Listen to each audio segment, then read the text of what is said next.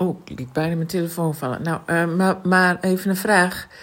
Um, ik uh, heb jouw uh, berendum gehoord, maar na zeven of acht minuten eventjes gestopt. Want ik had een vraag. Ik dacht, die moet ik eerst even stellen, anders ben ik hem weer kwijt.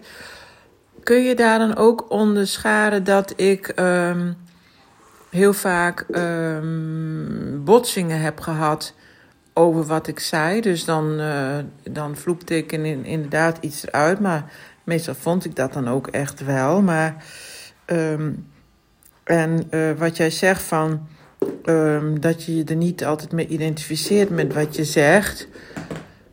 Uh, ik bedoel, hoe, krijg ik hier nou helderheid in dit verhaal? Um, dat ik dan, dat dan bijvoorbeeld mij werd verweten um, dat ik iemand uh, aanviel of dat ik iemand uh, tekort deed of dat ik iemand, ik weet niet wat allemaal. En dat ik de, e-, echt dacht, huh? Doe ik dat? Weet je wel, ik zeg gewoon even iets. Um, volgens mij ging het dan vooral werkinhoudelijk ergens over, weet je wel. En helemaal niet, ging het helemaal niet over die collega, maar die voelde zich dan persoonlijk tekort gedaan of aangevallen of ik verzin maar iets.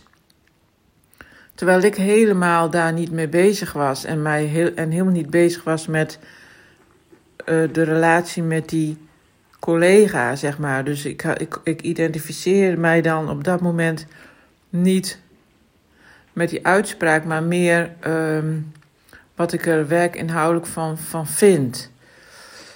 Ja, volgens mij is dat wat ik wou vragen. Van, uh, en, en omdat dat dan. Uh,